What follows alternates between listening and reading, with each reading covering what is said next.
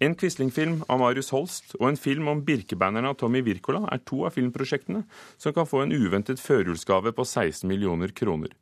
Pengene ble opprinnelig gitt til en film om Tordenskjold, men da regissørene trakk seg til fordel for et oppdrag i Hollywood, måtte pengene betales tilbake til Norsk Filminstitutt.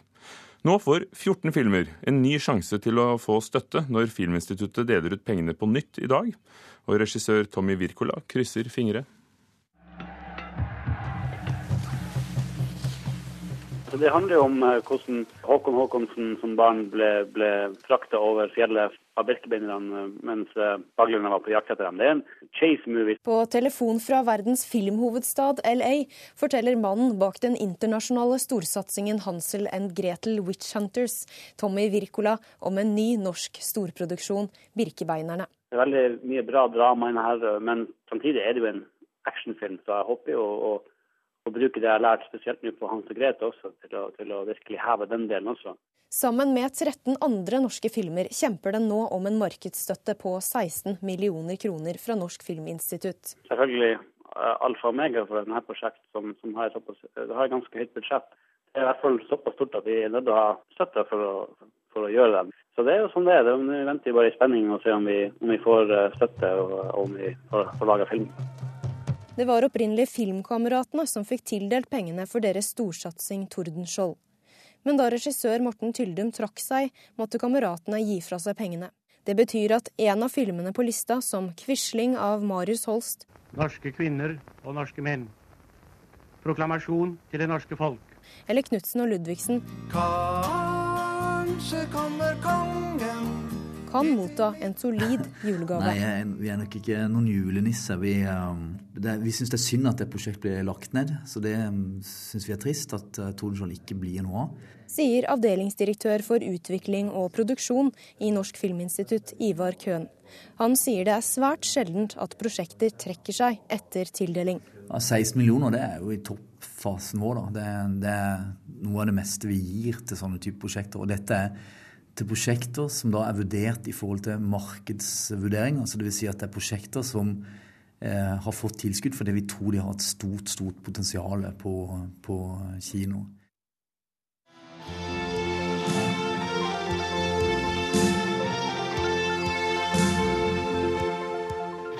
Ved et vindusbord sitter Eva og diskuterer intenst med en gruppe menn. Regissør Peder Nordlund leser utdrag av manus til Orions belte. Du tar feil. Bratteli burde tatt imot Gossvigens tilbud om å dele suvereniteten mellom Norge og Sovjet. Han forteller hvorfor han mener at en av de mest kjente norske filmene bør komme i en ny og moderne innpakning. Tidens tann har, har fart ille med special effects og sånne ting. Og selv om filmen fortsatt er god, så er det vanskelig å treffe et ungt publikum på nytt. Og jeg syns tematikken liksom ikke bare fortsatt er aktuell. altså Selv om kalde krigen er over, så er det på en måte nordområdene er på vei til å bli superaktuelt, på godt og vondt igjen. Så, så jeg tror liksom at det å la nye generasjoner få anledning til å se en så spennende historie, er, eh, det er vel hovedgrunnen. Hva tenker du om å få en ekstra sjanse? Ekstra sjanser er alltid veldig bra, i hvert fall når de er realistiske. Så, så ja, jeg, jeg tror veldig på det sa regissør Peder Nordlund, som gjerne vil lage en ny innspilling av Orions belte, som i dag altså kanskje kan få ekstra filmstøtte. Reporter var Trine Leion. Så er det også mulig at de 16 millionene kronene som eh, er da måttet gi tilbake fra Tordenskjold-prosjektet, kanskje overføres til neste års budsjett. Andreas Hadsel Opsvik, eh, journalist i filmpolitiet NRK P3. Hvilke av de 14 kandidatene tror du vil være mest sannsynlig eh, til å få støtten? Jeg tror eh, den støtten her går nok eh, mest sannsynligvis til et eh, prosjekt hvis navn en har hørt om.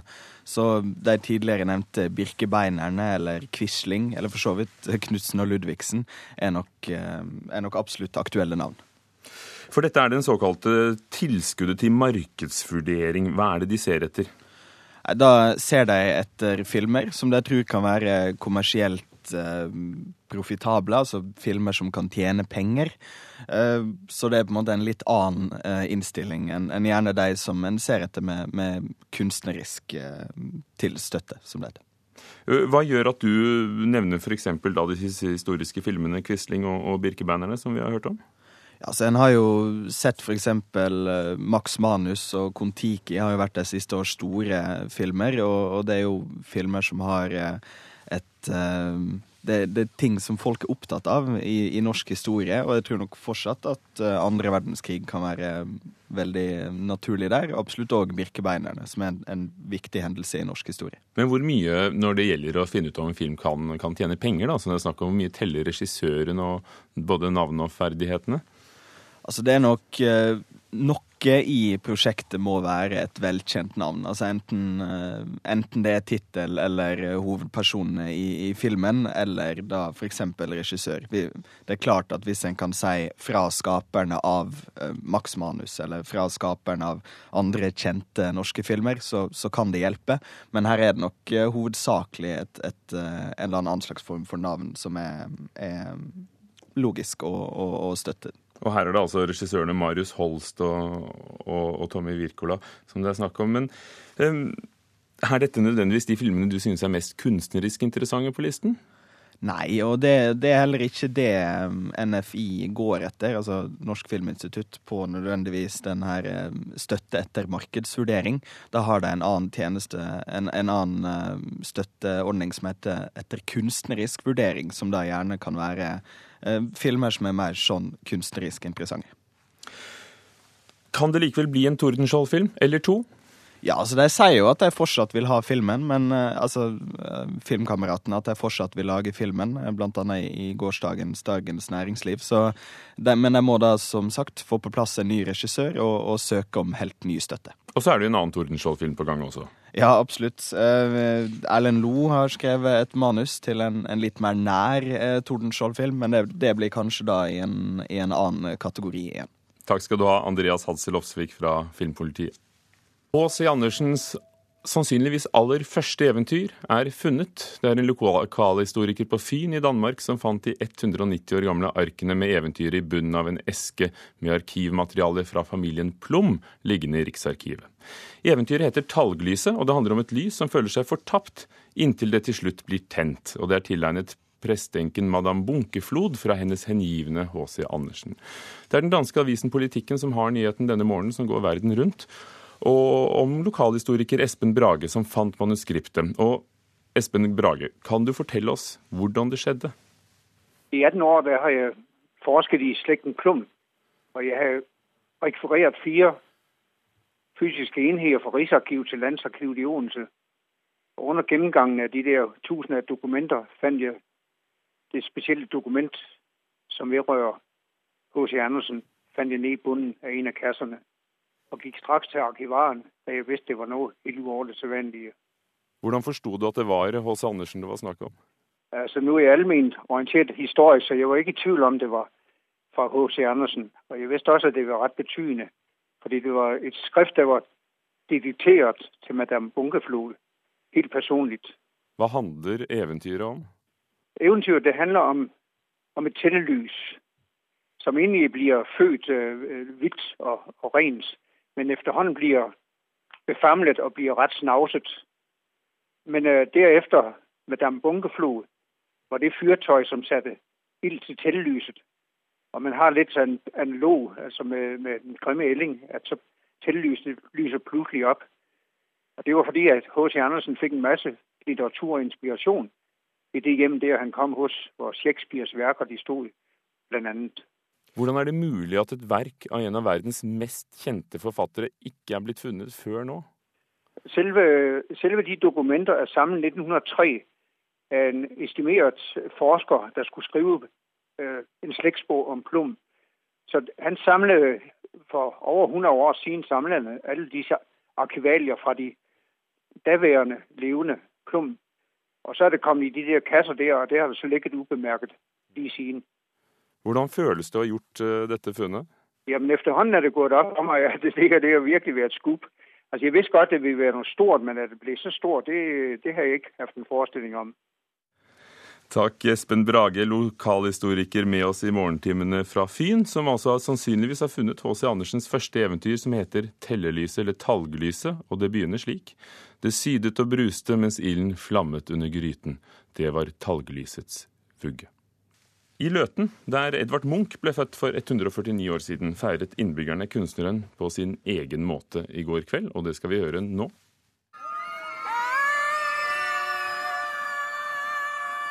Slik hørtes det ut da barn og voksne skrek av full hals i det som trolig var verdens første skriktog i Løten i går kveld. Skriker Rigvor Sofienlund, en av de vel 50 deltakerne som trosset kuldegradene og skrek seg varme i skriktoget. Det betyr veldig mye for Løten. Det var jo her han hadde sitt første skrik, og derfor så måtte vi jo ha et skriktog. Nå er det avspark for det store jubileumsåret 2013, Munch-året. Og da ønsker vi Løten å markere det der det hele starta. På Engeløy med Munchs første skrik. Sier Monica Blikstad Grønbakken, som fant på ideen med å ha et eget skriktog. Toget, oppkalt etter Edvard Munchs kjente maleri, startet fra Munchs fødested, gården Engelhaug Østre i Løten, og gikk til det nye Munch-senteret på Klefoss industrimuseum. Synes koselig at alle markerer bursdagen og fødselen til Edvard Munch. Sier Ingeborg Tingelstad Spikerud, som i dag bor på gården der vår mest kjente kunstmaler ble født i 1863. Veldig koselig at det blir markert, og at det blir kjent. At det blir mer kjent òg når født enn nå, i Løten. Åssen er det å bo på samme stedet som eh, Edvard Munch ble født? Veldig koselig. Skriktoget i går markerte starten på Edvard Munchs 150-årsjubileum i Løten neste år. En fin eh, måte å starte da, året på. Det er det. I alt er åtte kommuner med på å feire Munch 150 år. Veldig stas for oss å markere at eh, Munch ikke bare er en Oslo-kunstner, men at han også har tilhørighet til de andre sju kommunene som er en del av Munch-kommunene. Sier Elisabeth Linnea Vik fra Vestby kommune. Det er gøy å ikke. Og i Løten vil de være med å sette preg på Munch-jubileet også etter at de har skreket fra seg. Vi håper jo at det preger veldig mye.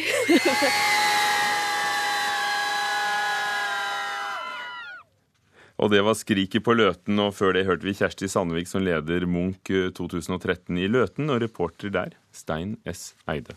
Ida Hegazi Høyer debuterte tidligere i høst med romanen 'Under verden', og vår kritiker Marta Norheim er blitt hektet både på stilen og på tematikken til denne nye forfatteren.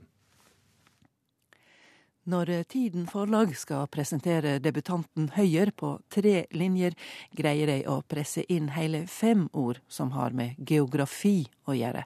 Og de er såpass ulike som egyptisk og Lofoten. Når romanen handler om vanskelige sider ved ord som heim og heime, er det likevel ingen grunn til å tro at dette er sjølbiografisk, og all grunn til å tro at forfatteren sitter med erfaringer og refleksjoner rundt slike ord som på underlig vis knyter en person til en spesiell stad.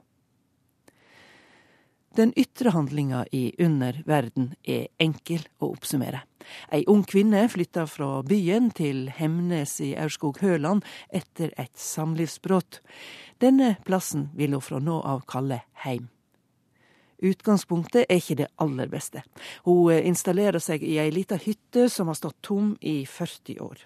Trass i iherdig innsats stinker hytta utrolig dårlig, og svaret på stanken ligger ikke under verden, men heller under gulvet. Jeg har fått et ganske krevende bilde på hjernen fra akkurat den historia. Og vår hovedperson møter ikke akkurat sine nye naboer med åpen interesse. Jeg liker ikke folk. Virkelig ikke. Jeg liker ikke det de ler av, og ikke det de griner av heller. Og jeg liker ikke det de bruker tiden på. Treningsstudio, for eksempel. Eller sølvpussing. Korøvelser, gressklipping, dugnader. Eller matlaging med eksentriske råvarer. Kort sagt, det er bare å vente på at den urbane misantropen og bygdedyret skal barke sammen, og det gjør de, naturligvis. Ingen store overraskelser slik sett. Det som gjør denne boka, er måten dette skjer på. Måten den unge kvinna manøvrerer på. Det ligger i måten Høyer formulerer seg på, og ikke minst ligger det i måten ideen om å høre hjemme blir utforska gjennom boka. Høyer har et originalt språk som bygger på paradoks og litt skeiv bruk av ord. Hun skaper meningsladde situasjoner som på ett nivå er absurde eller hysterisk morsomme, og på et annet er desperate, og kanskje til og med helt håpløse i ordets mest bokstavelige forstand.